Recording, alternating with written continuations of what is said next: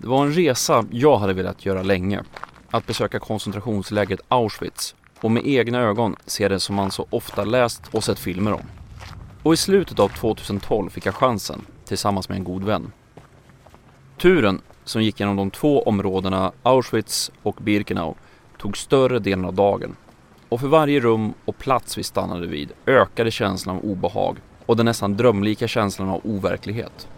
Hur kunde det här ske? Och trots att jag var rätt välklädd så dröjde det inte länge förrän jag var kall in på benet. Och även om det var snart åtgärdat med lite varm mat satt kylan kvar i huvudet långt efteråt. Särskilt när tanken slog mig att fångarna i lägret fick gå omkring i samma kyla som jag upplevt, fast med enbart tunna bomullskläder som skydd. Ja, efter att ha sett lägret och efter att ha läst så mycket om Förintelsen är det obegripligt hur någon med intellektuell heder kan hävda att det här inte har skett. Och det är den här mörka delen av konspirationsvärlden vi ska titta på idag. Förintelseförnekelse. För även om det är ett tungt ämne ska ni ändå vara välkomna till det här avsnittet av Kvalificerat Hemligt. Det första programmet av två om Förintelsen och Förintelseförnekelse.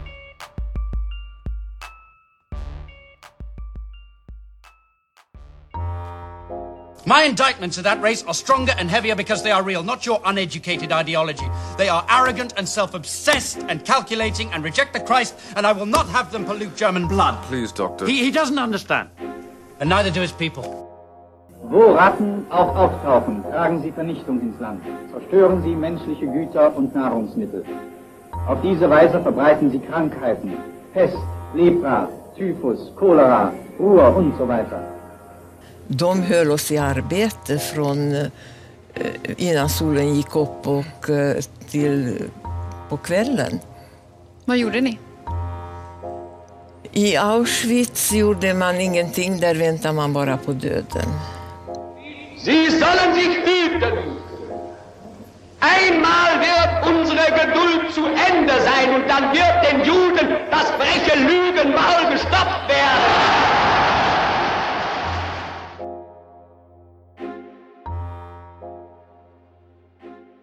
Förintelseförnekelse, alltså den tro som bygger på att man betvivlar att judar, romer och andra personer dödades systematiskt av Tredje riket, är en av de absolut obehagligaste formerna av konspirationstro som man stöter på. För det är inte bara det faktum att man förvägrar flera miljoner döda och deras efterlevande deras värdighet, eller de hundratusentals som överlevde sin historia. Man förvägrar också den nazistiska statsapparaten den skuld, både juridiskt och politiskt, som den bär. För aldrig tidigare, eller senare, har man med den här typen av medel, metodik och med sådan kall effektivitet ägnat sådana resurser åt att ta död på folkgrupper. Och kanske det här som problemet delvis ligger. Att grundprincipen, den är så oerhört svår att ta in, så bizarr, att det är lättare att tvivla än att greppa vidden av det som hände. Men i det här och kommande avsnitt ska vi i alla fall försöka. Och för att vi ska få det här hanterligt börjar vi med att titta på dels det tyska samhällets antisemitism, dels synen på de personer man ansåg vara livsodugliga samt hur koncentrations och utrotningslägerna kom till. Antisemitismen var något som inte var främmande för Europa. Tvärtom så var det något som ingick i samhällsbilden och även om den judiska folkgruppen i Tyskland var förhållandevis integrerade behövdes inte mycket för att väcka det gamla hatet till liv igen. Den ekonomiska krisen i Tyskland i slutet av 1920-talet och nazisternas maktövertagande 1933 innebar att judarna återigen sågs som mindre värda och en fara för samhället. Till det här lägger vi också konspirationsteorier som att judarna orsakade både förlusten i första världskriget för Tyskland och den ekonomiska kraschen. Nazistpartiets medier, både tryckta och filmade, ser till att hamra in budskapet om den judiska folkgruppen. Och budskapet det blir allt mer aggressivt och uttalat. En tysk jude är inte en del av samhället och vill absolut inte Tyskland väl. werden niemals mehr das deutsche Volk verseuchen. Unter der Führung Adolf Hitlers hat Deutschland das Kampfbanier gegen den ewigen Juden erhoben. I samband med nazisternas maktövertagande 1933 utropade Adolf Hitler en bojkott mot judiskt ägda affärer. Och strax efter det här tog myndigheterna ett beslut som klargjorde att personer med judiskt ursprung inte fick ha offentliga eller juridiska ämbeten. Men det här, det var bara de första stegen mot det som kom att bli en total avhumanisering av den judiska folkgruppen. De så kallade Nürnberglagarna, som togs fram 1935, fråntog den judiska folkgruppen sina rättigheter i det tyska samhället. Dessutom förbjöds etniska tyskar från att gifta sig med personer av judisk börd. Nürnberglagarna, ja, de expanderades något senare genom att även inkludera romer och svarta bland de drabbade. Däremot vågade myndigheterna inte tillämpa dem för efter Berlin-OS sommaren 1936. Men efter detta börjar lagarna tillämpas och tyska judar är plötsligt fast i en rävsax.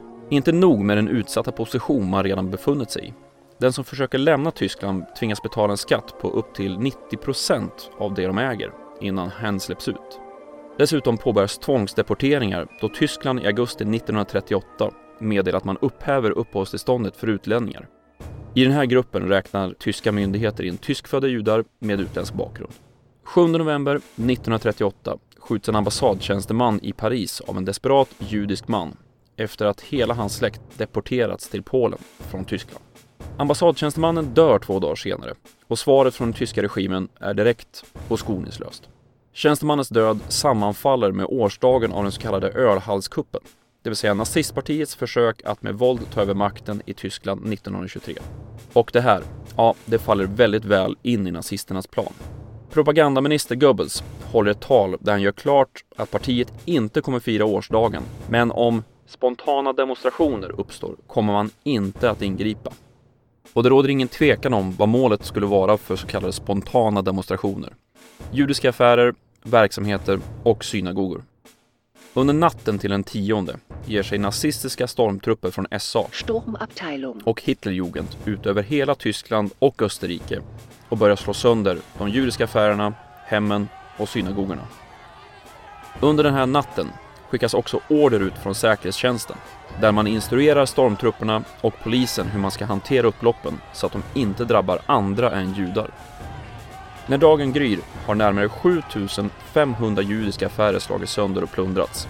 267 synagogor har mer eller mindre förstörts, minst 91 personer mördats och dryga 30 000 judiska män har gripits och skickats till koncentrationsläger. Den här natten fick sitt namn på grund av den enorma mängd sönderslaget glas som låg på gatan dagen efter. Därför kallades den hädanefter för Kristallnatten. Och koncentrationsläger ja. Vid det här läget, i slutet av 30-talet men innan andra världskriget brutit ut, fanns det redan ett antal aktiva, stora läger där misshagliga individer, oavsett om de var kriminella, politiskt aktiva eller av en folkgrupp nazisterna såg som mindre värda, sattes. Det första lägret, Dachau, upprättades redan 1933 i samband med nazisternas maktövertagande och kunde hålla 5000 fångar. Systemet med koncentrationsläger utökades snabbt och blir både ett system för att bli av med sådana som nazistpartiet ser som icke önskvärda och ett system att få billig arbetskraft till en industri som rustar för ett kommande krig.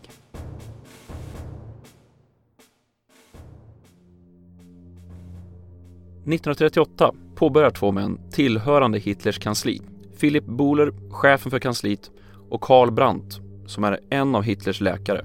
Ett program som går ut på något lika enkelt som hemskt. För att hålla nationen fri från oönskade funktionshindrade individer ska de dödas. Statsapparaten ansåg att de här människorna inte hade någon rätt till liv. Termen för det här var Lebensunwertes Leben. Liv, ovärdigt liv. Programmet, det får namnet T4 efter adressen Tiergartenstraße 4. till ett av programmets kontor. I augusti 1939 skickas så en order ut att vårdpersonal måste rapportera om man hade barn upp till tre års ålder med svåra funktionshinder i sin vård. Barnen de slussas vidare till sex stycken utvalda sjukhus där man dödar dem genom att bland annat gasa ihjäl dem. Efter krigsutbrottet i september 39 utökades åldern gradvis upp till 17 års ålder samt att de funktionshindrade som räknades in som oönskade utökades kraftigt. T4-programmet var, kan man säga, förintelsen fast i mycket mindre skala. Maktapparaten fick öva på att leta upp de man ansåg var oönskade, ordna transporter, effektivisera dödandet och bortforslandet av kroppar. Och kanske än viktigare när vi pratar om konspirationstro. Man lärde sig att hålla saker hemligt, minska pappersspåren och hålla vetskapen om programmet inom en liten grupp personer. I oktober 1939 skriver Hitler på ett direktiv som godkänner dödandet inom T4-programmet. Direktivet dateras däremot till september i samma år, det vill säga den månad som andra världskriget bryter ut. Dateringen, ja, den kan ses som ett försök att få programmet att se ut som ett resultat av krigsutbrottet. För man var medveten om att det som skedde i program T4 inte på något sätt skulle få komma ut till allmänheten. Men långsamt börjar ändå folk förstå vad som händer. Protesterna ökar till och med inom partiet. De här protesterna från samhället, partiet och kyrkan leder till att programmet avslutas. Däremot fortsätter dödandet av funktionshindrade, fast på mindre organiserat sätt, ända till krigsslutet 1945. Totalt bedömer att mellan 75 000 till 100 000 barn och unga dödades i T4-programmet.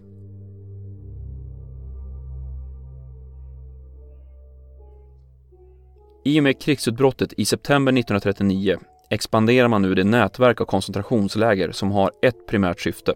Att genom slavarbete, svält, tortyr och direkt dödande göra sig av med utpekade grupper av människor som staten inte ser som människor.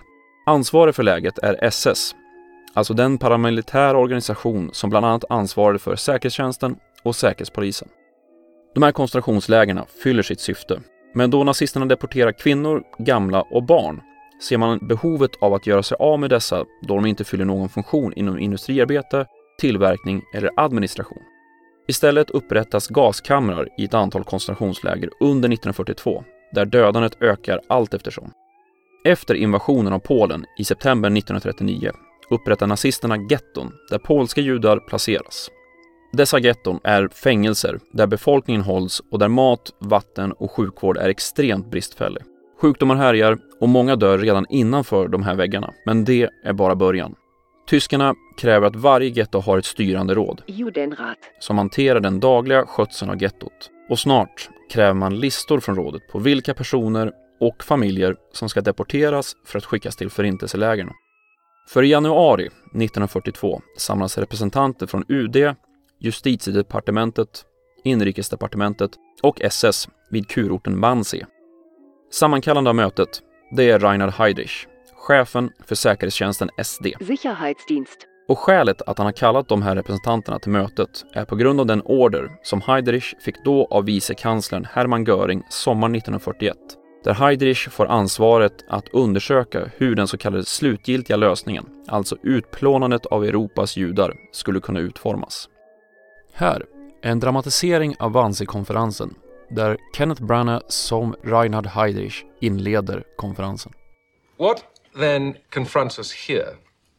In open discussion, which will inform the choices we must make, is what to do to deal with this staggering number of Jews overwhelming us. So, why can't you shoot them? 11 million, even half that executed in small batches would be asinine to undertake for the reasons Dr. Meyer mentioned. Inefficient use of time, troops, equipment, bullets, no. As Major Langer will learn, using gas is much cheaper and less public. Please. På mötet går deltagarna igenom hur många judar som finns ute i Europa, både under nazisternas styre men även i övriga länder. En diskussion uppstår hur det ska gå till att räkna in personer som judar och var gränsen ska dras. När frågan lösts tas beslut att påbörja förintelsen genom deportering till Polen för vidare hantering, internering och dödande. Och det här, det är en plan som kom att kallas för Operation Reinhardt. Allt det här nedtecknas i ett protokoll, men på Heidrichs order hålls språket medvetet otydligt och eufemismerna är många. Mötet tar totalt 90 minuter. Wannsee-konferensen, det är startskottet på det som kom att kalla för Förintelsen. Men redan innan beslutet om det här tas i Wannsee har man påbörjat utrotningsaktioner på östfronten. Där så kallade Einsatzgruppen samlat ihop judar, kommunister och folk som inte ansågs vara mänskliga och avrättade dem. Både genom massarkebusering och genom gasningar i mobila gaskammare. Efter att Operation Reinhardt beslutats påbörjas så förberedelserna för utrotning av judar i Polen. Lägret Belzec står klart redan våren 42 och följs snart av två läger till, Sobibor och Treblinka. Det är de här lägren som ingår i Operation Reinhardt. Det finns andra läger som fungerade som utrotningsläger, men i mindre skala eller som del i större koncentrationsläger. De här tre utrotningslägren är uppbyggda för att dölja dödandet in i det längsta för de människor som kom dit. De som överlevde färden, tätt packade i boskapsvagnar på långa sträckor, fördes ut vid något som såg ut som en tågstation. Efter ankomsten leddes man till olika anhalter för att kunna göra sig av med sina väskor och tillhörigheter på ett någorlunda ordnat sätt. Inte ens när man leddes till gaskammaren var det uppenbart vad som skulle ske. Offren informerades om att de skulle få duscha inför fortsatt hantering inne i lägret. Allt för att lugna offren och säkerställa att de inte fick panik eller försökte kämpa tillbaka. För att gasa ihjäl offren i gaskamrarna användes kraftiga dieselmotorer för att pumpa in giftiga avgaser som efter 20 till 30 minuter tagit livet av dem i kammaren. Fångar, så kallade Sonderkommando, fick i uppgift att rensa ur kamrarna efter varje gasning, komplett med att gå igenom kropparna i jakt på värdesaker och guldtänder. Allt av minsta värde ska tas tillvara. Kropparna, ja, de läggs sedan i massgravar utanför lägret. Men eh, ganska snart påbörjas ett arbete för att dölja morden som skett på industriell skala. Det här sker inte bara i förintelselägren utan även vid koncentrationslägren. Sonderkommando får order om att gräva upp kropparna ur massgravarna. Och efter att kropparna grävs upp placeras de på stora bål och bränns. De delar som inte kan brännas krossas i särskilda maskiner för att så lite som möjligt ska finnas kvar. Som jag tidigare nämnt i det här programmet gör man åtskillnad på de läger som existerade enbart för att döda människor, förintelseläger, och de läger där fångarna fick arbeta ihjäl sig men där också gasande och dödande skedde, de så kallade koncentrationslägerna. Operation Reinhardt avslutas under hösten 43 och förintelselägren Sobibor, Belzec och Treblinka monteras alla ner samtidigt som SS förstör sina pappersarkiv i lägren. Arbetsstyrkan på plats planterar bland annat träd, bygger byggnader på marken och gör allt för att man inte ska kunna se eller misstänka att något så horribelt skett på de här platserna. De ur Sonderkommando som överlevt skickas ofta till andra kvarvarande förintelseläger för att dödas. Inga vittnen ska lämnas. I koncentrationsläger som Auschwitz pågår dödandet fram till vintern 44. Men i takt med att nazistregimen konstaterar att man inte kan hålla borta de sovjetiska styrkorna från Polen tömmer man lägren på fångar och tvingar iväg dem på en dödsmarsch mot Tyskland och de koncentrationsläger som återfinns här. Auschwitz är alldeles för stort för att förstöra. Däremot ser lägerledningen till att man förstör större delen av sitt arkiv samt monterar ner de krematorier som används för att kremera offren för gasningar. När andra världskriget går mot sitt slut och lägren befrias ett efter ett börjar vidden av nazisternas brott stå klart för omvärlden. Till en början är det kropparna som inte hunnit förstöras och de överlevande fångarnas utmärglade kroppar som chockerar. Men snart börjar det gå upp för omvärlden exakt vad som skedde och hur ett folkmord utförts i industriell skala. General Eisenhower, accompanied by Generals Bradley and Patton, their faces grim, inspects the concentration camp at Ordruff, Germany, captured by American troops. Everywhere are the emaciated dead.